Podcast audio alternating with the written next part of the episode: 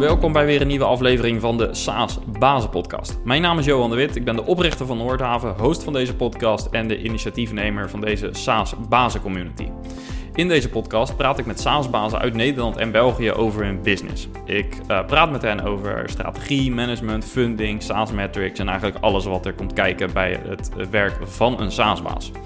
Naast de podcast is er ook een online community waar je je voor kunt aanmelden als je een founder bent van een SaaS-bedrijf of een C-level functie hebt binnen een SaaS-bedrijf.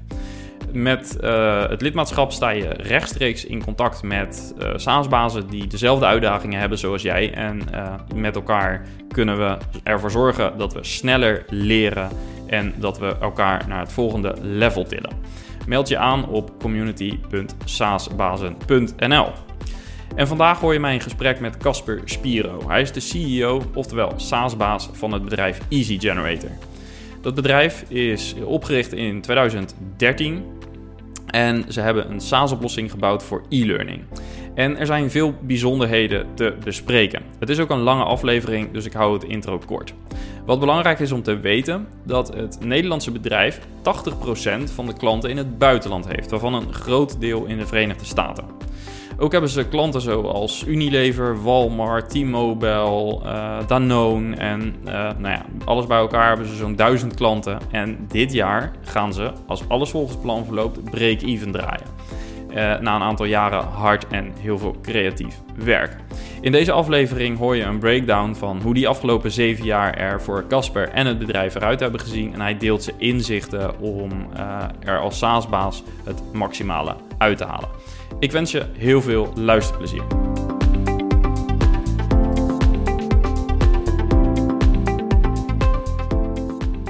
Goed, Casper. Uh, van harte welkom in de SaaS Bazenpodcast vandaag. Leuk dat je daar uh, tijd voor wil maken. Ja, dankjewel.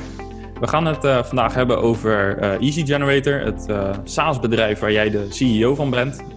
en voor wie Easy Generator niet kent, ik heb even wat getallen en namen die ik tegenkwam opgeschreven, die, ik, ja, die ik tegenkwam tijdens de voorbereiding op dit gesprek.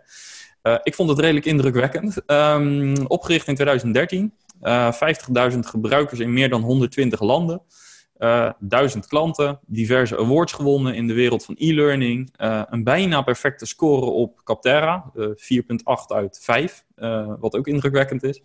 55 eh, medewerkers, locaties in twee of drie landen, daar twijfelde ik over. Nederland, Oekraïne en volgens mij Sri Lanka, maar daar ga ik straks meer over horen, denk ik. tien nationaliteiten in het team en een greep uit de klanten zijn Walmart, Danone, T-Mobile, Unilever. En nou, ik kan nog wel even doorgaan met dat lijstje. Kortom, uh, ik kan me voorstellen dat de afgelopen zeven jaar uh, nogal uh, hectisch en enerverend zijn geweest. En vandaag wil ik daar natuurlijk alles over, over horen. Um, maar om te beginnen lijkt het me leuk om jou even te introduceren in persoonlijke zin. hoe beschrijf jij de persoon die je bent of de leider die, je bent geworden om aan dit product te bouwen? Ja, Um, het leuke is dat van het lijstje wat je opnoemt, dat het uh, inmiddels alweer verouderd is op een aantal punten. Zo hard gaat dat. We zitten inmiddels inderdaad in, in, drie landen en we zitten inmiddels bijna 70 mensen. Dus dat is hoe, hoe snel het kan gaan. Um, en dat is eigenlijk ook waar ik ontzettend van hou. Ik hou um, van, uh, van veranderende omgevingen die uitdagingen zijn. Ik zoek ook altijd de innovatie op. Dat is ook met ons product. eigenlijk zijn we begonnen als e-learning bedrijf, maar we zijn eigenlijk een beetje aan het, ja, in de SaaS-termen aan het pivoten geweest voordat we de echte goede niche hadden. En uh, ja, we hebben nu een, een eigen, ja, redelijk unieke propositie, die inmiddels ook wel al een beetje gekopieerd wordt.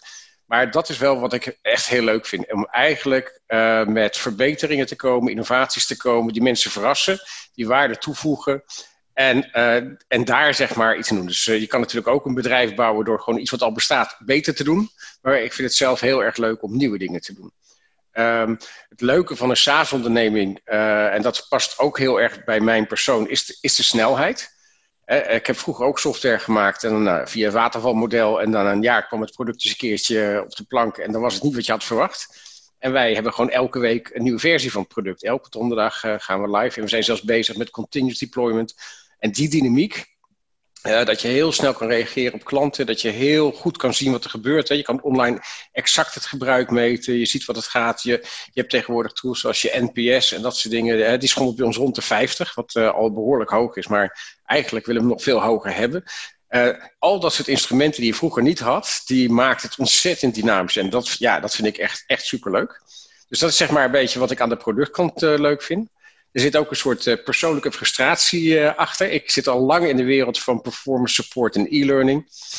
En uh, bij performance support, waar ik oorspronkelijk begonnen ben, had ik altijd het gevoel, ja, als nou betere software maakte, dan hoefde ik geen helpsystemen te bouwen. Dus daar zat een frustratie achter. En bij e-learning, ja, toch eigenlijk altijd, ja, het is te langzaam, het is te duur en helpt het nou wel echt?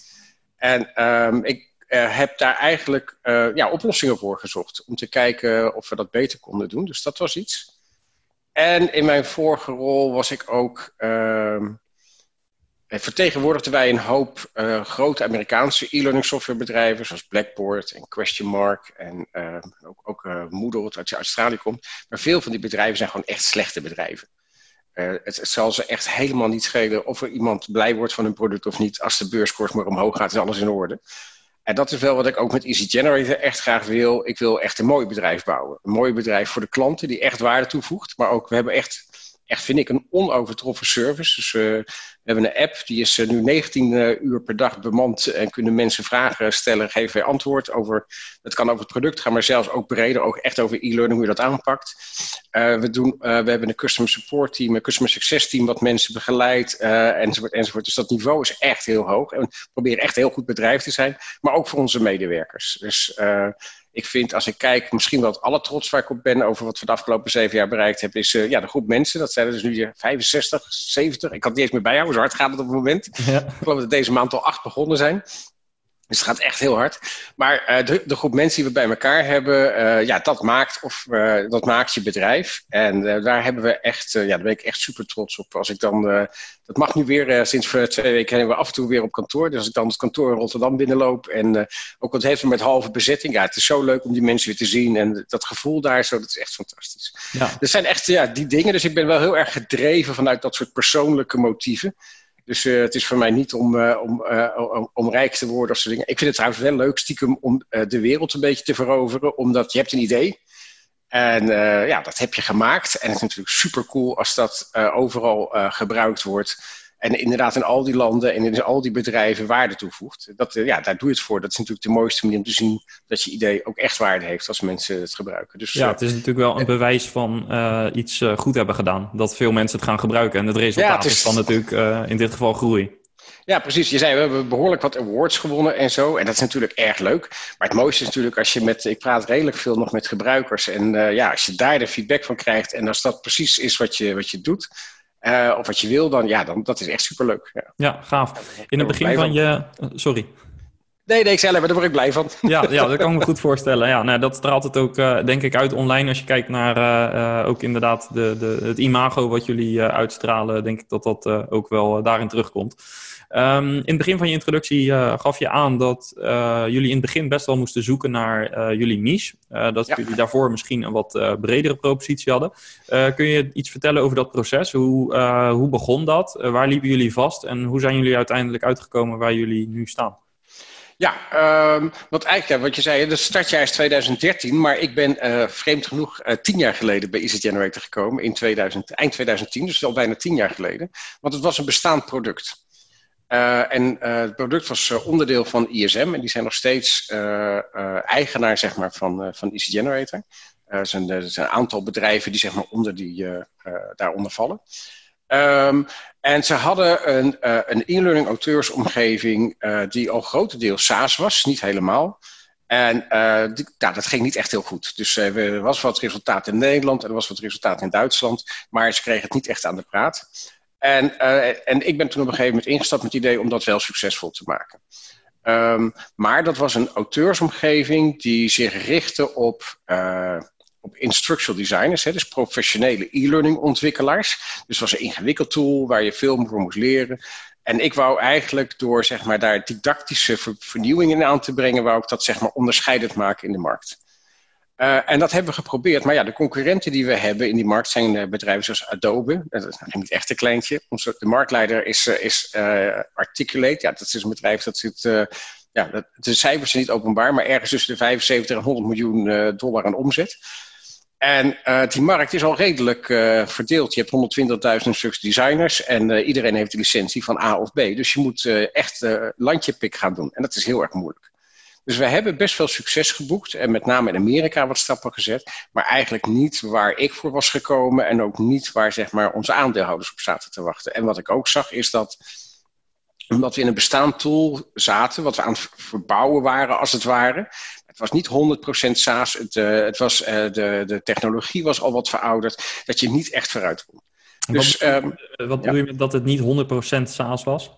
Um, het had ook nog deels wat geïnstalleerde software op uh, nodig. Dus het was ook Windows afhankelijk. Dus het was niet echt 100% in die zin uh, een, een, online. Geen web-based. Uh, ja, de data, alles stond wel online, maar als het ware een deel van je interface zat nog zeg maar op je, op je Windows-computer. Dus het was eigenlijk nog een beetje half-half. En ook ja, dat te weinig onderscheidend vermogen om echt impact te maken. Dus eigenlijk heb ik op een gegeven moment tegen aandeelhouders gezegd: Nou, volgens mij moeten we gewoon mee stoppen, want uh, nou, hier ben ik niet voor gekomen en hier hebben jullie je geld niet voor ingezet. Maar eigenlijk heb ik inmiddels wel een veel beter idee, want er zit wel echt een niche in die markt. En dat is waar we voortdurend tegen liepen, is dat. Uh, ja, het, probleem dat het maken van e-learning gewoon te duur en te langzaam is en je kan het niet onderhouden. Dat zijn gewoon drie dingen, daar, daar liep ik al jarenlang tegen aan. En, um, en het, nou, dat zit een verhaal achter waarom dat zo is, maar het heeft te maken met dat een centrale afdeling, dus een specifieke afdeling, maakt e-learning. En die moet dus in de business de kennis gaan halen. Terwijl mijn, uh, in die, die twee jaar dat aan het proberen zijn, ben ik heel erg overtuigd geraakt van het feit, je moet gewoon de mensen die de kennis hebben dat zelf laten doen. Ja, dus eigenlijk had je de, de, de inhoud en de techniek, uh, die, uh, die, die, daar had je beide mensen voor nodig. En eigenlijk zeg jij van uh, op het moment dat je het platform biedt, dan moeten de mensen met de inhoudelijke kennis, zonder technische kennis, in het platform direct uh, de e-learning kunnen maken. Ja, dat is het idee. En bijvoorbeeld, wat, jij, jij, jij weet van alles over podcast. Dus in plaats van dat ik jou ga interviewen over hoe maak je een podcast, dat ik een cursus maak, hebben wij software die zo makkelijk is en zoveel kennis bevat over het maken van e-learning, dat jij het zelf kan doen.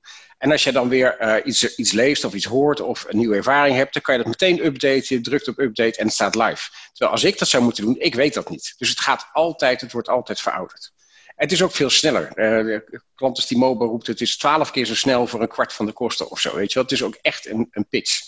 En uh, dus eigenlijk hebben we dat toen voorgesteld. Maar dat betekent dat we 100% eigenlijk opnieuw moesten beginnen. We hebben eigenlijk een nieuw bedrijf gebouwd. We zijn, uh, hebben alleen wat ontwikkelaars in dienst gehouden. En zijn in het voorjaar van 2013 gaan bouwen. En zijn eind 2013, oktober 2013, hebben we onze eerste gratis versie gelanceerd. In een grote e-learning conferentie in Las Vegas op DevLearn. En uh, op meteen ook dat was iets wat we veranderd hebben. Meteen internationaal. Eigenlijk gewoon uh, doen alsof je een Amerikaans bedrijf bent. Dan komt de rest er vanzelf wel achteraan. Het is ook alleen een website in het Engels. Uh, we hebben pas sinds vorig jaar zijn we aan het proberen met de Nederlandse versie, beperkte versie van de website. We hebben eigenlijk alleen een Engelse en dan ook nog een Amerikaanse Engelse website. En uh, ja, en toen uh, vanaf daar is het gaan lopen. Maar, uh, en ook dan zie je dat je het eerste idee hebt van... goh, we hebben dat uh, voor ja, hè, mensen met die kennis, die moeten het zelf doen. Het moet een eenvoudig tool zijn. Maar dan nog, de eerste twee jaar ontwikkelt dat zich verder. We hebben inmiddels een eigen term erbij ontwikkeld. Employee Generated Learning. je hebt er zeg maar een soort aanpak erbij. Dus eigenlijk zie je dat het nog zich verder verfijnt. Maar dat basisidee is zeg maar in de eerste twee jaar ontstaan. En ja, het geweldige is dat we dus de kans hebben gehad om van die, die les te leren en opnieuw te beginnen. Ja, en, en uh, je, je, gaat het Ja, en je gebruikt het woord niche. Um, is het ook zo dat die niche dan, uh, dat je, kun je dat uitdrukken in een vertical die jullie dan bedienen? Of gaat het meer, de niche zit hem meer in de, het producteigenschap, dat iedereen zonder technische kennis het e-learning platform kan inrichten? Ja, en dat is een hele simpele pitch. En eigenlijk te gek voor woorden dat dat, dat, dat een niche is, maar dat is wel zo. En, en, dat is ook wel, uh, uh, het is heel moeilijk om iets simpels te maken. Dus het is ook niet heel, heel eenvoudig om uh, dat te doen.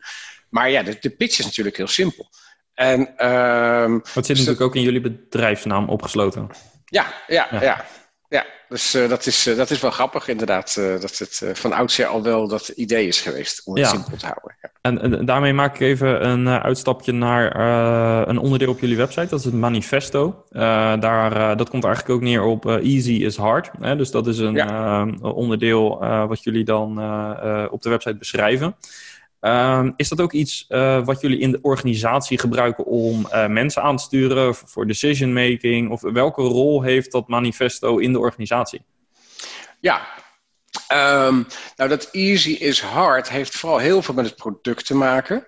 Um, hoe meer klanten je krijgt, en we hebben er inmiddels zo rond de duizend, uh, hoe meer wensen je binnenkrijgt. En uh, hoe vaak ook klanten, die, bijvoorbeeld, nou, dan komt er een grote klant aan en dat uh, grote internationals zoals nou, Sodexo of Philips of wat dan ook, zeggen ja, we willen het wel hebben, maar we willen eigenlijk dit hebben. En het is zo ontzettend moeilijk, want we hebben gewoon een regel. Als wij iets te A, als we niet de toegevoegde waarde zien voor al onze gebruikers, en als we het niet echt heel simpel kunnen maken, dan moeten we het gewoon niet doen. Uh, dat is hartstikke moeilijk. Dat is een van de, ja, de moeilijkste dingen om te, om te doen. Uh, daarom is Easy zo, zo, hard. Omdat je eens moet besluiten om, om het, ja, uh, hoe meer erin stopt, hoe ingewikkelder het wordt. Dus je moet het echt simpel houden qua opzet. Maar ook als je dan iets gaat bouwen, dan is het ook nog een kunst om het goed te bouwen. Dus je moet eindeloos testen met mock-ups en, en allerlei dingen. Wil het echt eenvoudig zijn. En dat is wel echt de, echt de uitdaging. In ons bedrijf uh, zit dat ook wel in de cultuur. Wij hebben uh, een, een, een, aantal waarden die uh, centraal staan. En een van de allerbelangrijkste daarvan is own. we doen alles in het Engels, dus we hebben challenge, experiment en own. En bij own is echt dat je ownership neemt. wat wij dus niet zijn, is een bedrijf met controletoestanden. Wij zijn een bedrijf dat mensen zoekt die zelf verantwoordelijkheid nemen, die zelf ja, dingen uh, achteraan gaan jagen en die dat echt zeg maar letterlijk ownen en voor elkaar krijgen. We hebben gewoon hele simpele doelen. Dus iedereen heeft KPI's waar je aan moet voldoen. Daar sturen we op. Ja, en dat is gewoon heel simpel. Als je dat haalt, uh, maakt het niet uit hoe je dat doet. Dus eigenlijk heel simpel gezegd, ik ga niet een verkoper controleren of hij goed verkoopt. Want ik heb hem aangenomen omdat hij een betere verkoper is dan ik ben. En of een marketeer of een ontwikkelaar. Dus ik kan ze nooit vertellen hoe ze het moeten doen. Ik kan natuurlijk wel kritisch zijn over bepaalde dingen.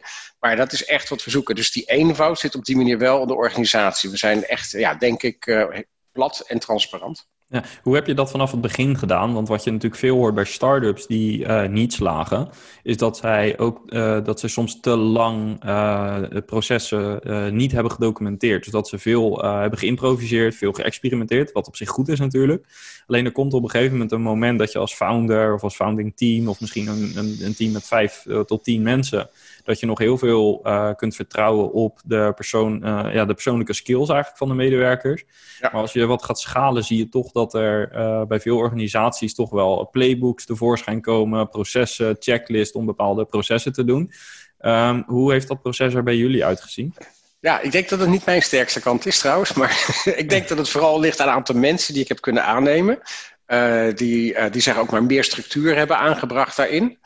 En uh, we gebruiken ook een methode, scaling up. Ja. Uh, dat doen we sinds een paar jaar om zeg maar uh, helderer die doelen te krijgen, maar ook die doelen in je. Dus dat geeft eigenlijk die structuur over hoe je communiceert en, en, hoe je dingen aanpakt.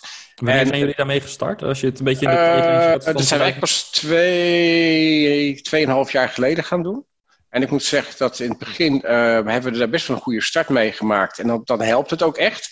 Maar we hebben gemerkt dat eigenlijk het gevoel dat het niet echt het onderste uit je kan halen. Dus uh, sinds uh, vorig jaar na de zomer hebben we ook iemand erbij gehaald die ons daar zeg maar begeleidt.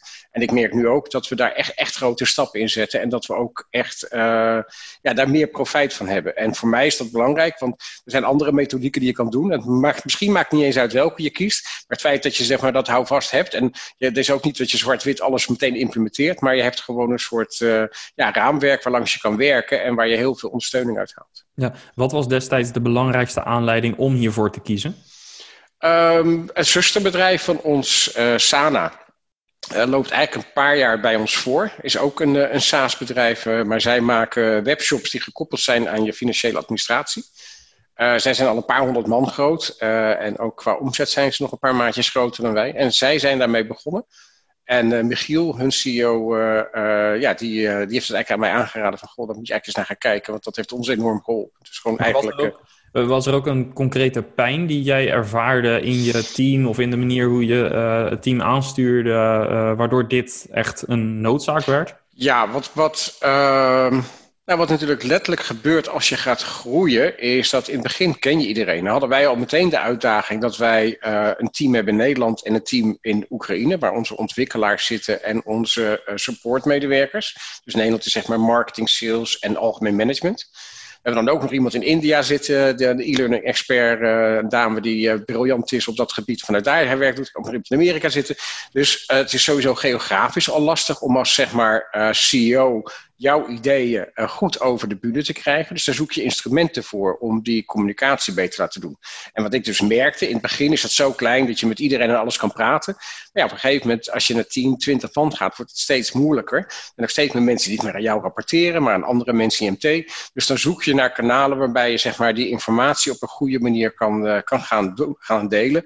En ook dat je merkt, want we zijn pas dan uh, vorig jaar, twee jaar geleden, eigenlijk begonnen na te denken van, we waren wel een soort van bedrijf met een bepaalde cultuur, maar dat hadden we nog niet in woorden gevat. Dus die, die, die zijn we eigenlijk pas achteraf uh, gaan invullen van welke dingen vinden wij nu echt belangrijk. Dus je gaat dingen explicieter maken en daar helpt het mee. Ja, uh, gewetensvraag misschien, maar okay. uh, gebruiken jullie daarvoor ook uh, jullie eigen tool? Want natuurlijk in de dagdagelijkse aansturing ehm, is dat, daar, is niet middel voor natuurlijk. Maar bij het onboorden van medewerkers, en je gaf net aan dat je acht medewerkers in één maand aan het onboorden bent, uh, die moeten natuurlijk ook snel eh, ja, ingewerkt worden. Ja. Um, gebruiken jullie daar eigen tool ook voor? Ja, in ieder geval deels. Het is niet voor alles bruikbaar wat je al zei, maar bijvoorbeeld die waarden waar we het over hadden. Dus ik heb een cursus gemaakt over de waarden waar ik ook, want die drie woorden, daar kan iedereen zich wat bij voorstellen. Dat was ook toen we het in eerste instantie lanceerden, dat iedereen, oh dat is leuk, maar challenge, dat kan je op heel veel manieren interpreteren. En bij ons is dat je het open staat voor feedback en andere feedback geeft. Dat je altijd wil, dingen beter wil doen. Het gaat er niet om, om, om de uitdaging te zoeken of zo. Dus daar hebben we allerlei voorbeelden bij gezocht van hoe dat is. Nou, die staan allemaal in die cursus. Um, als iemand begint bij ons, onboarding bijvoorbeeld, is er een onboarding cursus waar een opdracht in staat die mensen moeten uitvoeren met informatie over tool, met vragen en opdrachten. Dus dat, daar gebruiken we Easy Generator voor inderdaad. Ja, ja en dan, uh, dat is eigenlijk een dubbelslag die je maakt, want ze kennen en het platform en ze snappen uh, ja. sneller hoe de cultuur in elkaar zit. Ja, we hebben toevallig net van de week besloten dat uh, nieuwe medewerkers uh, als introductie even een kleine cursus over zichzelf moeten maken, die ze met hun collega's moeten delen in ons Slack-kanaal. Dus dan heb je dat sowieso al. Ja. ja. Uh, is dat dan ook iets uh, wat jullie dan meenemen in jullie advies naar uh, klanten of prospects? Dat je inderdaad bepaalde use cases aangeeft? of, of dit eigenlijk aangeeft, dit zou je ook kunnen doen in je organisatie? Een, een bepaalde fun fact tijdens de onboarding van nieuwe medewerkers? Nee, dat doen we niet echt zo. Nee, dat is zeg maar toch wat afstandelijker, denk ik. Het is inderdaad veel meer een, een business pitch, uh, waar je eigenlijk natuurlijk probeert aan te sluiten bij de problemen van de klant. En eigenlijk met de propositie die we hebben, zie je dat er eigenlijk vier soorten personas zijn. Bij de een is uh, de snelheid belangrijk, bij de ander zijn de kosten belangrijk. Uh, bij de ander is het feit dat de informatie verouderd is en dat ze dat willen oplossen. afhankelijk van dat probleem heb je eigenlijk voor al die drie problemen, dat zijn de elementen die bij ons in zitten. Uh, dus dat is eigenlijk veel meer waar het uh, gaat. Dus uh, nou, misschien wel een goede om een keer over na te denken. Ja. ja. We maken wel voorbeeldcursussen die we met veel klanten delen. Dus daar zit het een beetje in misschien. Maar het is niet heel expliciet, denk ik. Nee, ik zag inderdaad wat templates hier en daar, hè, wat voorbeelden ja. van uh, toepassingen. Ja. Klopt. Um, ja. Dan ben ik meteen eigenlijk benieuwd naar implementatie. Uh, het is natuurlijk een uh, SaaS-tool. Ja. Dus in theorie kan iemand een account aanmaken en ermee aan de slag. Het werkt simpel, dus ik zou ook zeggen van dat zou ook self-service onboarding moeten kunnen zijn.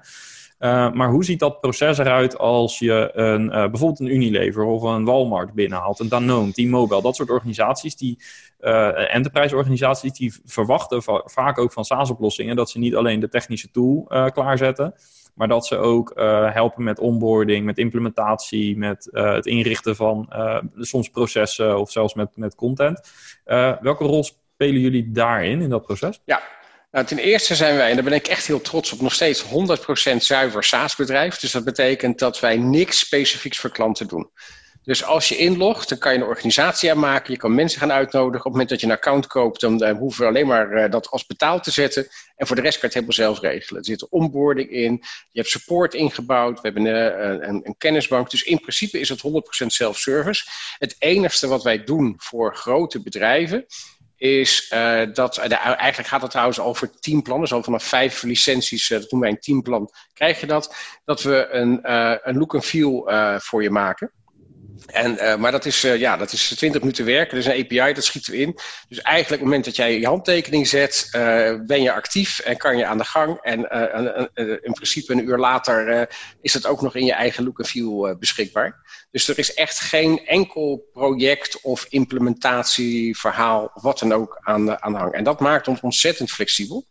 En dat is denk ik een van de grote krachten. En soms, uh, ja, je krijgt in het begin nog wel eens, uh, zij waren bijvoorbeeld, nou, ik zal de naam noemen, met een groot Duits bedrijf bezig. En die vond ons erg interessant. En die wou alleen maar verder met ons als we het ook echt bij hun achter de firewall neerzetten. En uh, erg aantrekkelijk qua geld. Maar je weet het, ja, dat, gaat, dat moet je gewoon niet doen. En we hebben eigenlijk, en daar ben ik wel heel trots op, het heeft ook te maken met de luxe positie dat we natuurlijk ondersteund worden door een ander bedrijf. Dus dat de investeringen nooit echt een groot probleem waren bij ons. Uh, kan je dan makkelijker zuiver uh, in de leer blijven. En, maar daar plukken, plukken, we nu wel echt de vruchten van. Ja. Hebben jullie uiteindelijk die deal wel binnengehaald? Uh, zijn ze uiteindelijk overstag gegaan nee. met de staat? Nee, niet. Ze wilden, dat was echt een harde eis en daar waren geen Ja, en het ging ook via een partner toen de tijd nog. En daar zijn we eigenlijk ook helemaal van afgegaan. Dus ook nog indirect. En we zijn eigenlijk doen we 99% van onze verkopen doen we zelf direct. Het zij via de website, het zij via onze verkoopteams. Dus, uh, dus dat, is, uh, dat is één ding uh, wat, wat, ja, wat echt weer heel belangrijk is. Het andere wat we doen is, dan zijn we ook pas een jaar of twee, drie geleden mee begonnen, dat we naast ons customer support team, wat zeg maar ondersteuning geeft in het product, hebben we nu ook een customer success team. En dat is echt heel erg belangrijk. dus we hebben eigenlijk, ja, we noemen dat de land and expand politiek. Dus, Bekend in SaaS. Ja, ja de, de, sales moeten in principe de logo's binnenhalen. En uh, ja, natuurlijk vinden we het leuk als we een enterprise deal uh, meteen aan het begin hebben, maar meestal is dat niet het geval. En dan begint het klein, uh, met 15, 15, 20 licenties, maakt niet uit. En dan is het eigenlijk de opdracht van customer succes om dat uit te bouwen. En we zien dus ook echt behoorlijk grote upsell over de hele linie. En dat is voor ons echt cruciaal. En zij zorgen dus ook echt voor die onboarding. Dus zij organiseren onboarding sessies. Want het is eigenlijk heel simpel. Als je de mensen niet in de tool hebt en als ze in de tool niet actief zijn, dan ga je uiteindelijk ook geen upsell halen. Dus dat is waar zij heel erg op gericht zijn. Dus, dus wij doen... stimuleren feature adoptie, uh, dat soort zaken om dergelijke Precies, ja. Er zit een, uh, we hebben een standaard onboarding. We hebben sinds kort ook een specialist, onboarding specialist in dienst die alleen maar dat doet. Dus zeg maar de eerste uh, in dan drie kwartier mensen toegankelijk maakt in de tool. Um, uh, dingen uitlegt, uh, de do's en don'ts uitlegt. We doen webinars over uh, ja, best practices bijvoorbeeld. van hoe maak je goede e-learning. Maar ook bijvoorbeeld, we gaan nu eentje doen, dat is wel heel leuk. Onze eerste grote corporate klant was Nielsen in Amerika. Dat is het, het databedrijf. En de toenmalige manager daar, uh, Louise, die, gaat, uh, die is inmiddels weg bij Nielsen. Want uh, nou, zoals de meeste mensen, dat gaat heel slecht met dat bedrijf. Maar ehm, wat zij, gaat, zij gaat nu 1 juli een webinar organiseren voor al onze klanten. En gaat ze uitleggen hoe zij het succesvol hebben gemaakt binnen Nielsen. Hoe ze, wat voor informatie ze aan mensen hebben gegeven. De do's en don'ts, waar ze het wel voor gebruikten, niet voor gebruikten. En al dat soort dingen zitten allemaal eigenlijk in het pakket om onze klanten ja, succesvol te maken. Want als dat gaat gebeurt, dan, dan, ja, dan gaat het de rest vanzelf goed. Ja, en ze zullen ook uh, op customer succes ook het netwerkeffect waarschijnlijk stimuleren. Dus dat binnen een organisatie als één iemand zijn account aanmaakt, dat zo snel mogelijk ook andere mensen ook in de tool terechtkomen. Ja, precies. Ja. ja. Uh, helder. Als we kijken naar uh, het salesgedeelte nog even. Ehm, je gaf in de voorbespreking even aan dat het grootste deel van jullie klanten in buitenland zit. ja. 80 procent, 19 procent maar in Nederland. Um, hoe ziet jullie sales traject eruit en hoe uh, is het zo gekomen dat jullie inderdaad uh, voornamelijk in het buitenland actief zijn? Ja, dat is wel echt de keuze dus geweest. Zoals ik zei, bij eigenlijk de herstart in 2013 ervoor gekozen om alles in het Engels te doen, in Amerika te lanceren, uh, ons daar te proberen, ook daar naar e-learning conferentie gaan, daar te spreken, daar te schrijven. Um, daar hebben we ook onze eerste grote klanten binnengehaald. Um, dus dat is de basis geweest. Maar we hebben wel geprobeerd het bedrijf zo eenvoudig mogelijk te houden. We tenslotte Easy Generator. En wat ons gelukt is, wat veel mensen zeggen dat het niet kan, maar we hebben gewoon alle marketing en sales in Rotterdam zitten. Op één kantoor.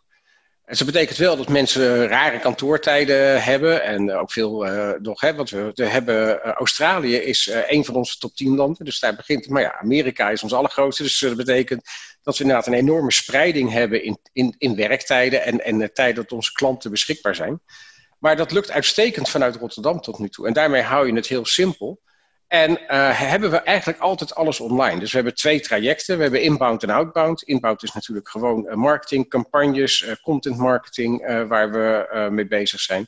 Ik schrijf zelf ook heel veel voor externe artikelen of schrijf ook wel veel blogs en zo. Maar nou, dat is een heel, een heel, eigenlijk een heel cirkel om de content en de, de campagnes heen. En de andere is outbound. En dat is gewoon, ja, gewoon uh, keiharde uh, cold calling, uh, e-mailen, mensen via LinkedIn benaderen. En er zit een heel team van mensen eigenlijk leads te genereren. Die dan, als ze een SQL zijn, doorgaan naar onze account executives, die dan uh, ja, de, deal sluiten. Maar we hebben dus geen verkopers met een auto of zo die bij klanten op bezoek gaan. Dat gebeurt echt nooit. We hebben ook een kantoor wat heel prettig is om te werken, maar het is niet heel representatief voor klanten. We hebben ook geen mooie ontvangstruimte. Want nou, de keren dat de klant bij ons komt, het is misschien één of twee keer per jaar. Dus alles gaat online. Ja. Dat was trouwens met corona natuurlijk een geweldig voordeel. Ja, daar hebben jullie weinig last van gehad als het gaat om de organisatie. Eh. Nee, iedereen nam zijn laptopje mee naar huis. Iedereen was wel heel autonoom. En uh, ja, dus, uh, de productiviteit schoot omhoog trouwens. dat is wel heel grappig. Ja, hebben jullie dat gemerkt? Ja, zowel bij de ontwikkelaars, uh, maar daar vooral omdat ze heel veel meer uren maakten, maar ook bij de verkopers. Ja, dat had ook te maken dat je zo makkelijk kan werken. En dat natuurlijk ook het sociale leven heel instort. Dus mensen hadden ook meer, volgens mij toch wel echt meer tijd. Maar we zagen echt ook het aantal calls, het aantal leads. Ja, sowieso explodeert het ons natuurlijk. Hè, want het is natuurlijk, we zitten midden in aan de positieve kant van het verhaal natuurlijk.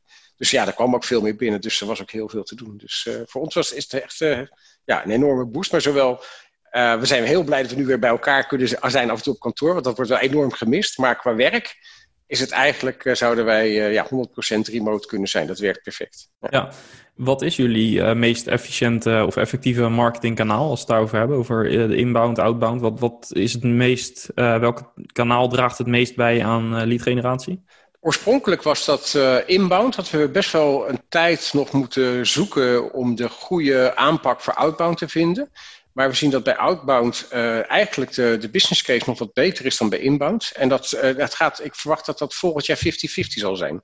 Dus we hebben eigenlijk een deel upsell. En ik denk dat volgend jaar de verhouding outbound, inbound ongeveer gelijk zal zijn. En ik verwacht dat uiteindelijk outbound is zeg maar voor ons schaalbaarder nog dan inbound. Hm, want wat hebben jullie gedaan aan inbound marketing?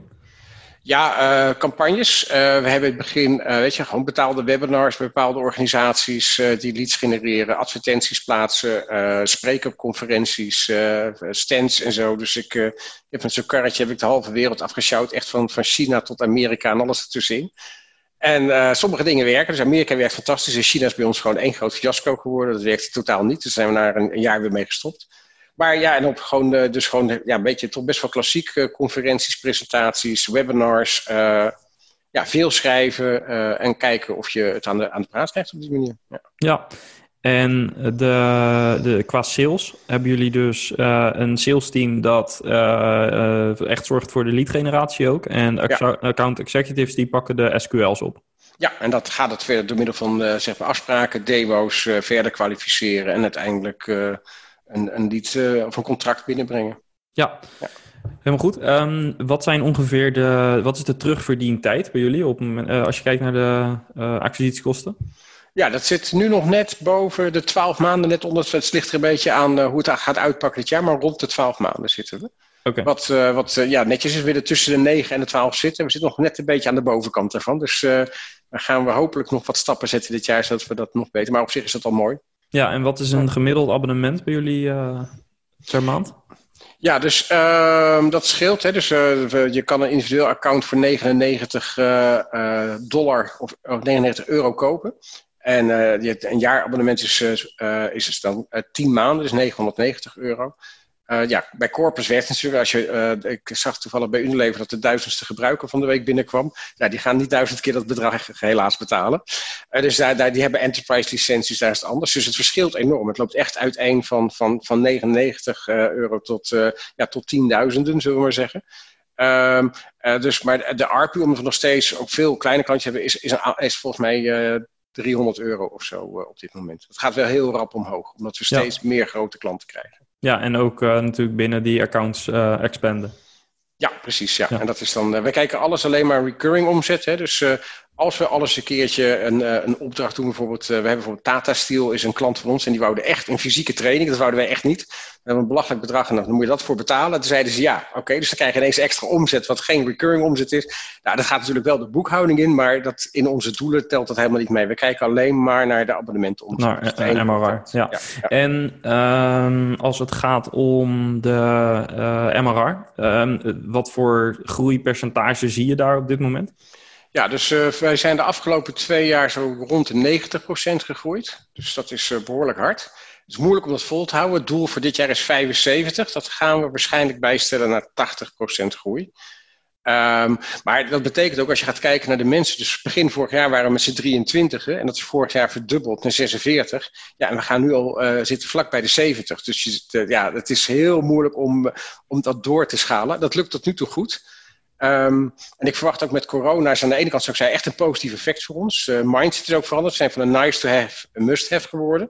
Dus het de salesprocessen gaan sneller. Uh, dat is echt een groot voordeel. Aan de andere kant zijn er heel veel van onze klanten en bedrijven echt in de problemen. Dus we verwachten ook echt dat we daar ook negatieve effecten van gaan maken. Misschien minder upsell of bedrijven toch moeten cancelen.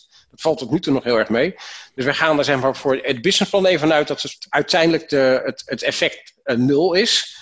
Maar de verwachting is wel, als er een effect zal zijn, dat het uiteindelijk positief zal uitpakken. Maar in het businessplan gaan we vanuit dat het nul of licht positief uh, zal zijn. Ja, klinkt, uh, klinkt ook begrijpelijk. Um, hebben jullie in de afgelopen jaren sinds de start investeringen opgehaald? Of zijn jullie helemaal bootstrapped? Of wordt nou ja, we zijn dus vanuit de moederorganisatie ja. gedaan? Ja, precies. Dus uh, ISM, of eigenlijk moet ik zeggen Spectra Vision, dat is het, de holding die erboven hangt. daar zitten een aantal bedrijven in. een ander e-learning bedrijf is, is InBrain. Dat is een Nederlands e-learning bedrijf dat, dat projecten doet om e-learning te maken. Uh, en wij zijn dan zeg maar het e-learning softwarebedrijf. Dus dat is een paraplu van bedrijven uh, en daaruit worden wij gefinancierd.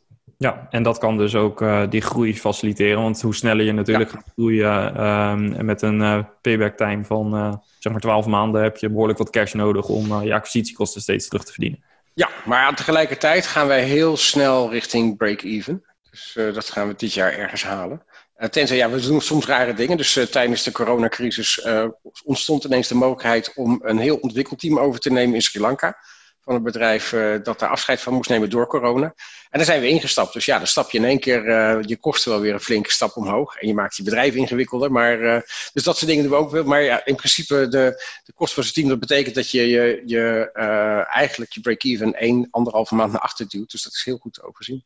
Ja. Dus uh, ja, maar hoe meer van je dat soort gekke dingen doet, hoe verder het naar achter gaat. Maar het, het, zit, het gaat echt gebeuren. Ja. Het, het jaar van de waarheid. Ja, ja, ja, ja. Uh, mooi om te horen. Um, ik wil het nog even hebben uh, over jouw uh, eigen rol als CEO. als je organisatie groeit, dan moet je natuurlijk zelf ook blijven groeien. Um, hoe zorg je ervoor dat je bijblijft met de ontwikkelingen, technologische ontwikkelingen in de markt, maar ook jij als persoon? Want je bedrijf wordt groter, dus logischerwijs worden je problemen ook groter. Uh, hoe handel je dat? Ja, uh, ja, vooral de goede mensen om je te heen te verzamelen, denk ik. Dus ik heb nu gewoon echt een heel goed MT. En dat is uh, echt heel belangrijk. Want eigenlijk wat je aan het doen bent, uh, in eerste instantie, ik was de enige in Nederland toen we begonnen. En we hadden dan nog een klein team in Oekraïne die bouwde. Dus je bent marketing, je bent sales, je bent customer support, je bent alles. Um, en dat betekent dat je stukje bij beetje alles los moet laten. En dat je mensen gaat aannemen die beter zijn in die dingen dan jij bent. En soms denk je nog eens van, nou, dat kon ik zelf misschien toch nog wel beter. Maar dat is in ieder geval wel het doel. Hè? Dus dat, maar dat betekent dat je rol, ja, dus eigenlijk het is een proces van loslaten en uh, delegeren. En uh, kiezen waar je wel je effect moet hebben. En dat is dan inderdaad uh, de cultuur die heel belangrijk is. Hè? Dus als ik bijvoorbeeld nu kijk naar sollicitatieprocedures, dan is dat bij ons zo geregeld dat eigenlijk, uh, we hebben één recruiter en uh, zij gaat samen met de hiring manager, doet het hele inhoudelijke proces. Ik zit dan aan het einde. En ik ga er gewoon vanuit, als de verkoop is, dat het een hele goede verkoop is. Dan ga ik geen vragen meer over stellen. Ik kijk alleen nog maar van, is het iemand die qua persoon en qua cultuur past uh, en dat soort dingen. dus dat, dat, je gaat heel erg focussen op de dingen waar je je onderscheid hebt. En, ja, en dat is soms lastig en soms ook heel leuk. Bijvoorbeeld, ik vind zelf de visionaire dingen ontzettend leuk, de strategische dingen. Dus dat is dan een hele makkelijke keuze. En andere dingen loslaten, ja, die zijn veel moeilijker, omdat je daar zelf heel veel plezier aan hebt of vindt dat je er zelf heel goed in bent. Of misschien, uh, nou ja, in ieder geval. Uh, dus ja, dan is het uh, lastiger. Maar het is primair ja, loslaten en kiezen waar je wel je impact hebt. En het zit heel veel in communicatie, naar buiten en naar binnen. Ja. Klanten, potentiële klanten en medewerkers. Ja. Wat is de grootste struggle geweest in de afgelopen, laten we zeggen, even zeven jaar? De grootste struggle? Ja, um, op een gegeven moment als je harder gaat groeien, dan zit je focus daar zo op dat uh, je soms uh, hele belangrijke dingen een klein beetje verwaarloost. Dus dat de boekhouding niet 100% op orde is en zo. Dus daar hebben we best wel wat mee te doen gehad. En toen zijn we gelukkig uh, nou, zijn we echt op zoek gegaan naar wat wij dan noemen een, een blauw persoon. Echt iemand die dat gewoon kon regelen. En die heeft dat ook opgepakt en, opgelost. Dus ja, dus dat soort dingen kom je tegen. Dat je een focus hebt op, op bepaalde dingen. En dat je andere dingen die ook heel belangrijk zijn, maar minder leuk, zeg maar. nou, financiën is er misschien dan één van. Dat dat toch minder aandacht krijgt dan het eigenlijk nodig heeft. En dan, ja, dan gaat er soms gewoon dingen fout. En dat achteraf gezien zou je denken, ja, dat, had ik echt, dat hadden we echt heel veel beter moeten doen. Ja. Ja, uh, maar goed, ook geleerd. Ja, dat snap ik. Dat kan ook te maken hebben natuurlijk met je persoonlijkheidsstijl. Hè? Dat, uh, ze zeggen wel eens, hè, je hebt de, de, de visionair, de operator, de processor en allerlei dat soort uh, kenmerken. En ja, je kunt niet alles tegelijk zijn. Nee. Soms moet je inderdaad Precies. in een bepaalde rol stappen. Uh, maar de ene rol gaat je natuurlijk wat natuurlijker nee, af het is, het is bijna, ja, het is bijna een automatisch deel van doorgroeien. Want je zit in een situatie waarbij je eigenlijk dingen doet waar je, uh, die, nou, waar, waar, je aan de rand van je eigen uh, talentencapaciteit zit. Maar nog niet iemand daarvoor hebt die dat kan overpakken. Dus je, ja, je krijgt automatisch wel dat de gaten vallen. Want ja, het is uh, niet altijd mogelijk om de juiste mensen op het juiste moment altijd binnen te halen. Dus soms is het gewoon goochelen en dan gaat er wel eens wat fout. Ja. ja. Maar ik moet zeggen dat als ik nu kijk uh, naar uh, hoe dat zich heeft ontwikkeld, zeker de laatste drie jaar, waar het bedrijf echt, echt een vlucht heeft genomen. Dus ook de omzet hebben, we hebben 120, 90 en 90 procent groei dan gehaald. Dus ja, dan gaat het ook echt heel hard. Ook in personeel, in omzet, in klanten. Dat, dat, ja, dat gaat wel heel, daar ben ik wel heel tevreden over hoe gestroomlijnd dat loopt. Ja, kan ik, me, kan ik me voorstellen, ook met, uh, nogmaals met deze groeicijfers. Um, wat zie jij als de uh, belangrijkste eigenschap van een CEO, van een SaaS-bedrijf? Dus uh, laten we even zeggen van een SaaS-baas. Nou, ik denk wel dat het uiteindelijk communicatie is. en daar zit ook, ook, een component in dat je duidelijk moet zijn. Je moet ook keuzes maken en die keuzes goed kunnen uitleggen. Dus dat is natuurlijk, ja, wat je als, als, als, als leidinggevende altijd doet en uh, als, als CEO van zo'n snel groeiend bedrijf helemaal is, je maakt zoveel beslissingen. En al die beslissingen moet je goed communiceren en uitleggen. Uh, mensen moeten dat goed begrijpen. En zeker als je bedrijf dan ook nog verdeeld zit in verschillende landen. Uh, of verschillende tijdzones. Nou, dan moet je daar allemaal rekening mee houden. Dus communicatie intern is echt heel belangrijk. Heb je daar een concrete tip voor hoe je dat dan doet? Hoe, hoe, stel, je neemt een beslissing waarvan je uh, misschien weet van nou, dit kan voor wat frictie of voor wat onzekerheid zorgen. Of mensen zullen het misschien niet allemaal meteen uh, begrijpen. Ja. heb je daar, kun je concreet schetsen hoe je dat aanpakt? Ja, nou, ik heb een, we doen een dat was trouwens op dit moment even een beetje de klat. Ik niet op kantoor zitten. Maar uh, we hebben eigenlijk een, een soort slideshow draaien met onze belangrijkste KPI's en dingen. Dus daar staat onze omzet in. Er staan de hires in. Daar staan nieuwe klanten in. Uh, dus nou, gewoon een hele scripting. En die draait gewoon op de kantoren. en die wordt gewoon elke dag wordt die geüpdate. Hè? Dus we kunnen gewoon natuurlijk per bedrijf per seconde de omzet zien. En die wordt ook aangepast. Dus je ziet ook live wat daar, hoe het is. Dus dat is een manier om heel veel informatie naar de mensen te brengen. Uh, ik doe dan ook nog uh, een monthly sessie, elke maand. Uh, dus dat is gewoon een online sessie waar iedereen dan bij is, waar ik zeg maar ja, door de maand heen loop en naar de volgende maand kijk, kijk waar we staan, maar ook de hires, maar ook bijvoorbeeld probeer recognition te geven, een goede Nederlandse term, erkenning te geven voor mensen die zich inderdaad hebben gedragen naar de, de waarden en dat soort dingen. Dus, dus dat zit erin. En soms, als ik merk, dus ik had laatst één gedaan, had ik een item wat ik ook niet zo goed gepresenteerd. En dan merk je dat er onrust ontstaat. En dan ga ik gewoon ook direct uh, beleg ik dan één op één. Dus eigenlijk uh, met alle teams dan gewoon even een aparte sessie. Om nog even heel goed uit te leggen van jongens, oké, dit is wat ik bedoeld heb. Dit is goed gaat worden. Hebben jullie daar vragen, problemen? Dus dan moet je er gewoon echt bovenop zitten. Want uh, zeker als je een beetje zo verspreid bent en zo hard groeit, dan ja, je wil wel echt dat iedereen met de neus dezelfde kant uit staat. Ja. Dus ik denk dat dat heel belangrijk is. Uh, en ook ja, communicatie extern, hè, dus de, de visionair inderdaad met het, het verhaal. Uh, het is uh, een ander verhaal dan een ander. Hè. Dat is een belangrijk deel van je onderscheidend vermogen. Maar dat is ook wat een belangrijke rol nu voor mij is, dat ik met onze klanten spreek. bijvoorbeeld grote klanten spreek ik eens in een kwartaal, word, word bijgeschakeld door Customer Success in de maandelijkse meetings. En dan kijken we meer strategisch en dan, dan, ja, kan ik dan ook weer, daar weer wat, wat Maar ja, dat zit allemaal heel erg in communiceren. Dus ja. beslissingen nemen en goed communiceren, dat zijn de twee dingen, denk ik. Ja, dat uh, zijn de sleutels. Um, ik vind het toch leuk, uh, nu ik jou in de podcast heb, om nog even over uh, e-learning te hebben. En dan met name over wat we allemaal kunnen gaan verwachten. Want dat ja. corona daar een positieve impact op heeft, dat ja, lijkt me een no-brainer eigenlijk.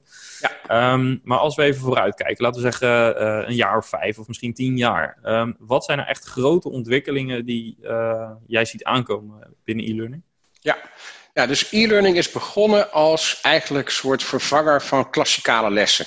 Dus je had allemaal corporate academies en daar de mensen heen gevlogen en een week getraind en dat was hartstikke duur. Zei, nou, als we nou die cursussen eens online gaan maken, eerst op CD-rommetjes, later via internet, dan is dat veel goedkoper. Dat was de pitch van e-learning in de jaren negentig. Maar eigenlijk is dat, dat is gewoon formeel uh, leren. Zelfs uh, iemand vertelt jou, je moet luisteren en je moet gewoon doen wat er gezegd wordt. En nogal nou, een beetje oude manier van leren is dat, om het voorzichtig te zeggen. Nou, inmiddels zijn er uh, inzichten gekomen dat uh, er is een beweging, dat heet de 70-20-10 beweging. Dat eigenlijk als jij uh, zeg maar gewoon een ingewerkt iemand bent met een aantal jaren werkervaring, als je kijkt naar de kennis die je hebt, komt 10% van jouw kennis uit formeel leren. Uh, dat betekent dus, dat is van je kleuterschool tot en met je universiteit, alle trainingen die je hebt gedaan, alle e-learning cursussen die je hebt gedaan, alles bij elkaar, 10% van wat je weet. Uh, eh, 20% is kennisdeling. Nou, bijvoorbeeld, wij zitten nu te spreken. Ik leer van jou dingen over hoe je een podcast doet. Jij leert van mij misschien wat over e-learning en dat soort dingen. Dat is gewoon 20% van je kennis. En 70% van je kennis is gewoon doen. Uh, kijk naar jezelf met je podcast, uh, wat je nu kan en wat je nu nodig hebt en waar je goed in bent. Voor groot deel is gewoon door fouten te maken, daarvan te leren en uh, vallen en opstaan. Absoluut, en, dat kan ja. ik goed onderschrijven. En dat is 70% van je leren. Nou, e-learning en sowieso corporate learning. We zitten heel erg in de bedrijfshoek met onze klanten. zat eigenlijk al het geld ging naar de 10%. Ze hadden leermanagement systemen. En een leermanagement systeem kan je vergelijken met een tv. Het zendt uit. En er is een vast programma. Dus uh, om acht uur is er het nieuws, half negen soap, negen uur sport. Als je wat anders wil, jammer. Ja, je kan naar een andere zender of je kan hem uitzetten. Maar uh, het wordt van boven top-down ingeregeld. Ik moet het maar volgen. Dus als jij nieuw bent in een, in een bedrijf, hier zijn je tien cursussen voor je onboarding. Als je dat hebt gedaan, dan krijg je een certificaat en je bent officieel medewerker. En dat is niet hoe het werkt in de praktijk. Uh, wat je ziet is dat mensen veel meer verantwoordelijkheid hebben. En we, we ontstaan nu systemen, die noemen ze ook de Netflix van learning, hè, in vergelijking tot de tv de verantwoordelijkheid voor het leren komt niet, uh, is niet meer bij die, die top-down organisatie, maar is bij de medewerker. Die is zelf verantwoordelijk voor zijn leren. Dus net zoals je bij Netflix een grote bak hebt met series, met films, met documentaires, waar jij heen kan gaan wanneer jij wil en met het apparaat wat jij wil en, uh, en dat jij het kiest wat je daar gaat kijken of niet. Zo gaat leren ook zeg maar op dit moment worden. Dus er komen omgevingen, dat noemen ze learning experience platforms, die veel meer een grote bak zijn met mogelijkheden om te leren. En het is aan jou om daar wel of niet gebruik van te maken. En dat zit heel erg, gaat je dan eigenlijk van die 10 ga je al naar de 20, naar de kennisdeling. En waar het echt uiteindelijk om gaat, want dan is het nog steeds heel moeilijk om de waarde van e-learning aan te tonen. Dus als jij een cursus doet, um, dan kan je natuurlijk ontzettend afvragen van uh, ja, uh, hoeveel extra omzet gaat het opleveren. Nou, toon het maar eens aan, dat is niet te doen. Dus wij zitten met Easy Generator nu ook heel erg in die hoek. Want wat wij doen met Employee Generated Learning. Hè? Dus wat wij zeggen is, als je door een instructional designer e-learning laat maken, dan gaat hij iemand in de business interviewen om de kennis eruit te halen. Dat proces is indirect, daardoor is het langzaam en duur. Maar ook de kennis zit niet bij degene die de cursus maakt, dus die cursus gaat heel snel verouderen. Dus eigenlijk betaal je heel veel geld en spendeer je heel veel tijd om mensen verouderde spullen te leren. Dat was mijn persoonlijke frustratie. Dus de oplossing is heel simpel. Je laat degene die de kennis heeft, dus hè, de medewerker in de business of de medewerkers, want je kan ook in groepen werken, die maken de e-learning. En als er instruction designers zijn, dan zijn ze ondersteunend, maar ze zijn niet verantwoordelijk. Dus dat is eigenlijk uh, wat wij doen. En daarmee zitten wij al in die twintig heel erg, want het is kennisdenken. Het is nog steeds leren, maar het is wel al, de kennis van collega's wordt gedeeld met anderen. Dus we gaan heel erg, we zijn verschoven naar die 20. Eigenlijk zijn we met uh, de herstart van de 10 naar de 20 gestapt. En waar we nu mee bezig zijn, is dat we naar de 70 gaan, naar performance support. Want uh, jij hebt bijvoorbeeld een checklist vast. Uh, als je een podcast gaat maken, dan moet ik dit, dit en dit doen. Ik moet dat bespreken, dit regelen. En uh, stel dat jij twintig mensen in je bedrijf die podcast maken, dan zou het hartstikke handig zijn als jij die podcast, die podcast checklist eventjes kan delen, zodat de mensen die minder ervaring hebben, gewoon, oh, dat moet ik even afvinken, klaar. Dat soort informatie gaan we ook uh, mogelijk maken met Easy Generator. Wij noemen dat one-pagers, dus echt korte documenten, checklist, how-to's, korte procedures, waar de ervaring van medewerkers wordt vastgelegd, zodat andere medewerkers daar heel snel eigenlijk tijdens het werk gebruik van kunnen maken. En dan ga je dus heel erg richting ja, workplace learning of performance support. En dan wordt het ook dus uh, deels een manual. Dus je kunt ook echt daadwerkelijk tijdens het uitvoeren van een bepaalde taak, kun je ook die checklist er nog eens bijpakken. Um, in plaats van dat je uh, één keer een e-learning uh, volgt en daarmee uh, geacht wordt om dat, de geleerde informatie te onthouden. Ja, klopt. Want kennis wordt steeds minder belangrijk. Kijk maar eens hoe vaak je iets googelt. Dat maakt niet uit of je het weet of niet, als je het maar kan vinden. Wat je dan vervolgens moet weten, is wat je met die informatie moet doen. Dus je moet de vaardigheid hebben om het te kunnen gebruiken, om het toe te passen. En dan pas krijgt het waarde. En dus je ziet dat kennis, hè, waar vroeger leren heel erg gericht was kennisoverdracht, gaat nu veel meer naar skills, naar vaardigheden. En als je niet hebt om mensen te ondersteunen om dat zo goed mogelijk te kunnen doen. Ja, en weten, zorgen dat ze weten waar ze het kunnen vinden. Precies, en, ja. uh, dat ze ook, uh, en dat je binnen de organisatie zeg maar bepaalde processen uh, kunt delen, zodat iedereen uh, op een uniforme, consistente wijze de bepaalde taken uitvoert die gedaan moeten worden. Dus eigenlijk een beetje het concept van de standard operating procedures. Dus, nou, het zit nog wel anders, want het gaat er niet zozeer om dat iedereen het op de, op de vaste manier doet, maar het gaat veel meer om van als ik ontdekt heb van, goh, ik heb een hele slimme manier om A of B te doen, dat jij daar gebruik van kan maken. Dus het is niet zozeer om te standaardiseren, maar wel veel meer om uh, best practices letterlijk uh, te kunnen delen. En dat dus het is niet zozeer per se het, het instructiedocument? Nee, uh, nee dat... het is echt ondersteunend. Het is echt als hulp bedoeld. Ja. Eigenlijk bouw je een soort van, dus als jij googelt, dan vind je natuurlijk algemene informatie. En wat je daarmee bouwt, is een soort van bedrijfsgoogle. Waar je zeg maar bedrijfsspecifieke informatie, gemaakt door jouw collega's, kan vinden.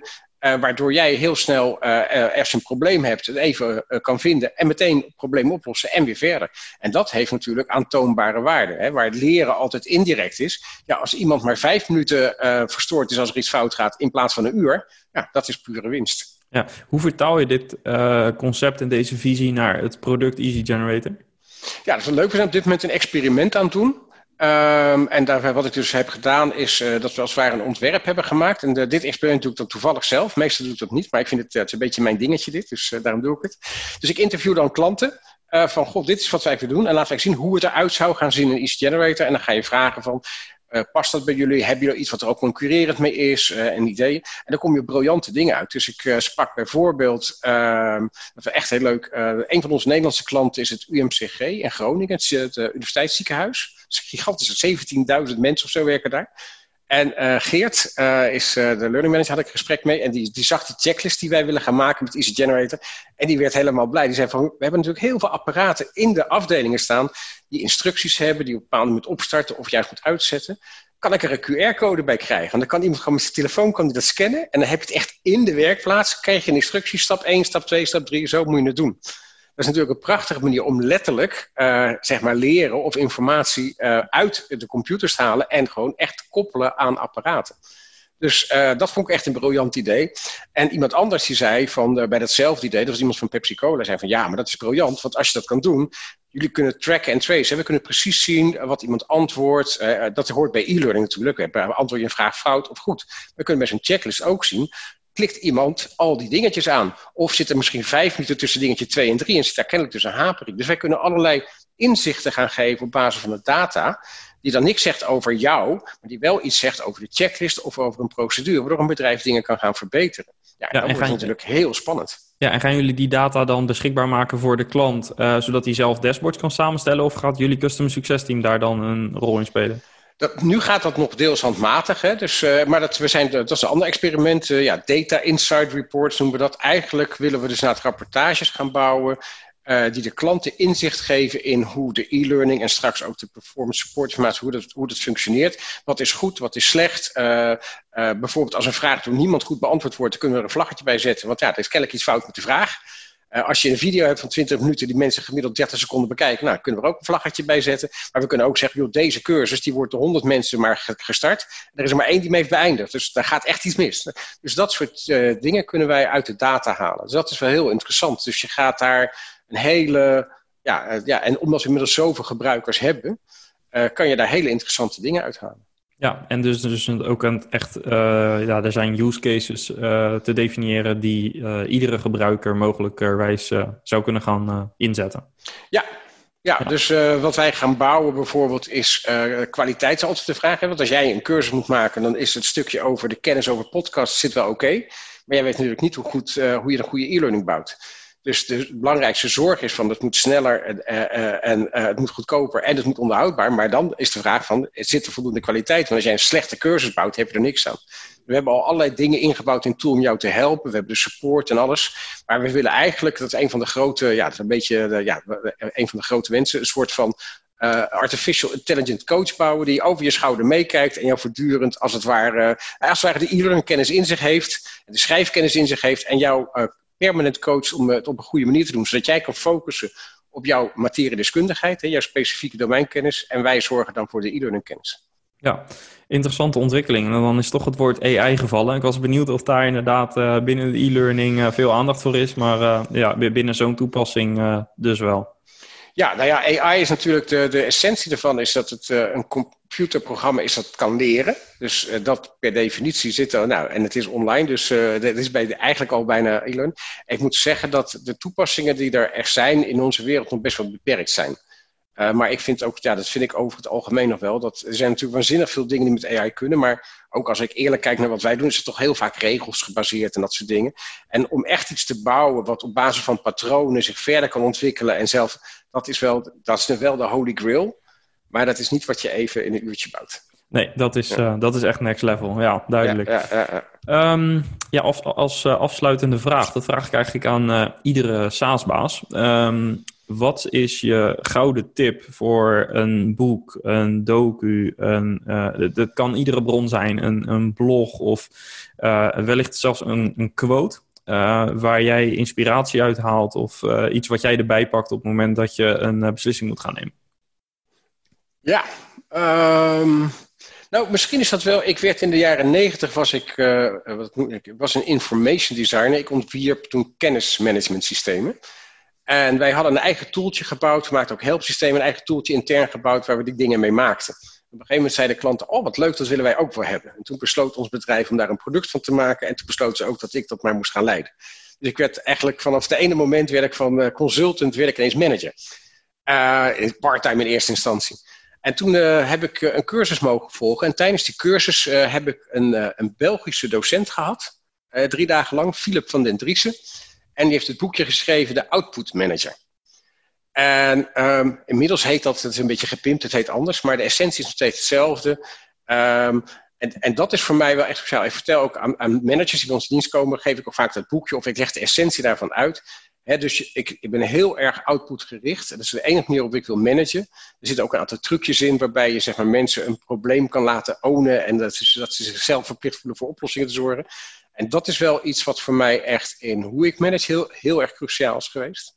En het andere is, als je begint, zoek validatie. Dus toen ik zeg maar die pivot ging maken met Easy Generator, toen heb ik echt, onwijs, echt, echt waanzinnige mazzel gehad. Uh, de, de, zeg maar, de god van e-learning, uh, zijn naam is uh, Jay Cross een Amerikaanse man. En die had ik één keer ontmoet in mijn leven in Berlijn op een e-learning conferentie. Heb ik bij hem, hij had daar een unconference. Hij deed altijd onconventionele dingen. Hij is de man die de term e-learning bedacht heeft, maar hij is ook de man die met dat 70-20-10 verhaal is gekomen. Dus al begin 2000 heeft gezegd: jongens, we moeten hele andere dingen gaan doen. Echt een briljante man. Dus ik had een plan voor Easy Generator van, ik wil echt iets heel anders gaan doen. Ik denk, ja, hoe valideer ik dat? En ik heb dat gewoon uh, naar hem gemaild, waar zou je dus naar willen kijken? En daar heeft hij het ook gewoon echt gedaan. Daar hebben we gewoon een aantal gesprekken over gehad. Heeft hij nooit iets voor gevraagd of in rekening gebracht. Dus, en dat heeft mij zoveel inzicht gegeven, waardoor ik eigenlijk drie, vier, vijf stappen in één keer heb kunnen zetten, die ik in mijn eentje nooit had kunnen doen. Dus als je een idee hebt en je wil beginnen, zoek die validatie en zoek iemand waarvan je zegt van ja, dat is hè, dat, waar je echt tegen kijkt, die echt wat doet. En uh, ja, waag het gewoon. Dus ik had, toen, toen ik dat mailtje aan hem stuurde, ik echt zoiets van, het slaat nergens op. Maar ik heb echt een aantal uren met hem uh, doorgebracht. En dat eerste businessplan en de eerste productschetsen waren zoveel beter dan het zonder hem was geweest. Dus dat is wel echt heel cool. Hij is helaas een paar jaar geleden overleden. Maar als je zo iemand kan vinden, zo'n soort mentor. Uh, ja, dat gaat enorm helpen om, om gewoon al veel verder te komen dan je in je eentje kan doen. Ja, en wees dus niet bang om erop af te stappen. Want de kans is groot dat als je dat met, als, als die een bepaalde begeistering natuurlijk bij je merkt, als die ziet dat je uh, er enthousiast over bent, ja. Uh, dan uh, triggert dat vaak ook uh, hele positieve emoties. Ja, precies. Bij als je, die, als je, als je er echt passie voor hebt, ja, dan, dan, kan je dat overbrengen. En dan willen dat soort mensen tot je eigen ultieme verbazing gewoon meewerken. Dat, ja. dat vond ik wel een van de allermooiste dingen. Dus ik heb eigenlijk een, een, een heel saai boekje van 80 pagina's. En een, een grote held, J. Cross. Ja, ja en zorg dus dat je gewoon met je idee naar de mensen toestapt. ook al ben je bang dat ze op voorhand nee zeggen. Gewoon doen. Ja, dat is trouwens sowieso een gouden regel. Dat is waarom wij experiment uh, als, als een van onze uh, kernwaarden hebben. Dus als wij iets nieuws doen, dan gaan we dat niet in ons eigen laboratoriumpje uitwerken. Dan maken we het, maar dan gaan we het met klanten in een, in een mock-up vorm bespreken. En En wat ik nu bijvoorbeeld doe met dat experiment rond die one-page, ja, daar komen dus ideeën uit, zoals die QR-code of zo, dat je dingen kan meten, die we zelf nooit bedacht hadden. En anders duurt het misschien wel een jaar of twee jaar voordat het op uitkomt. En nu heeft de eerste versie heeft dat straks gewoon. Ja, dus je maakt gewoon al heel veel stappen. Ja, dus in je MVP niet bang zijn om uh, zoveel mogelijk uh, relevante mensen erbij te betrekken. Ja, precies. Ja, vraag, feedback. Ja, mooi, uh, mooi finaal inzicht, denk ik. En ik denk dat uh, heel veel SaaS-bazen uh, zich daar ook wel iets bij voor kunnen stellen hoe belangrijk dat is. enerzijds omdat ze dat misschien nooit doen en dat misschien niet durven. Dus hierbij de oproep om dat gewoon vooral wel te doen. Of misschien dat ze dat heel erg kunnen onderschrijven. dat dat hen ook verder heeft geholpen. Um, ja, ik wil jou ontzettend bedanken voor het verhaal over Easy Generator. ik denk dat er genoeg lessen en inzichten in voor uh, andere SaaS-bazen. Ik vind het in ieder geval interessant om te horen hoe je vanuit uh, een, uh, ja, een bepaalde probleemstelling uiteindelijk op nou, deze prestatie bent uitgekomen en eigenlijk nog steeds uh, ja, de wereld voor je voeten hebt. Want wat dat betreft uh, is er denk ik uh, ook nog heel veel te winnen. Ja, we staan nog maar aan het begin. Ja, ja dat, zo, zo klinkt het in ieder geval. ontzettend leuk om ja, dat inkijkje te krijgen. nogmaals dank daarvoor. En ja, we zien je in de community, in de SaaS Basis community. Ja, hartstikke leuk. Nou, bedankt voor de uitnodiging. Ik vond het een leuk gesprek. Yes, dankjewel. Iets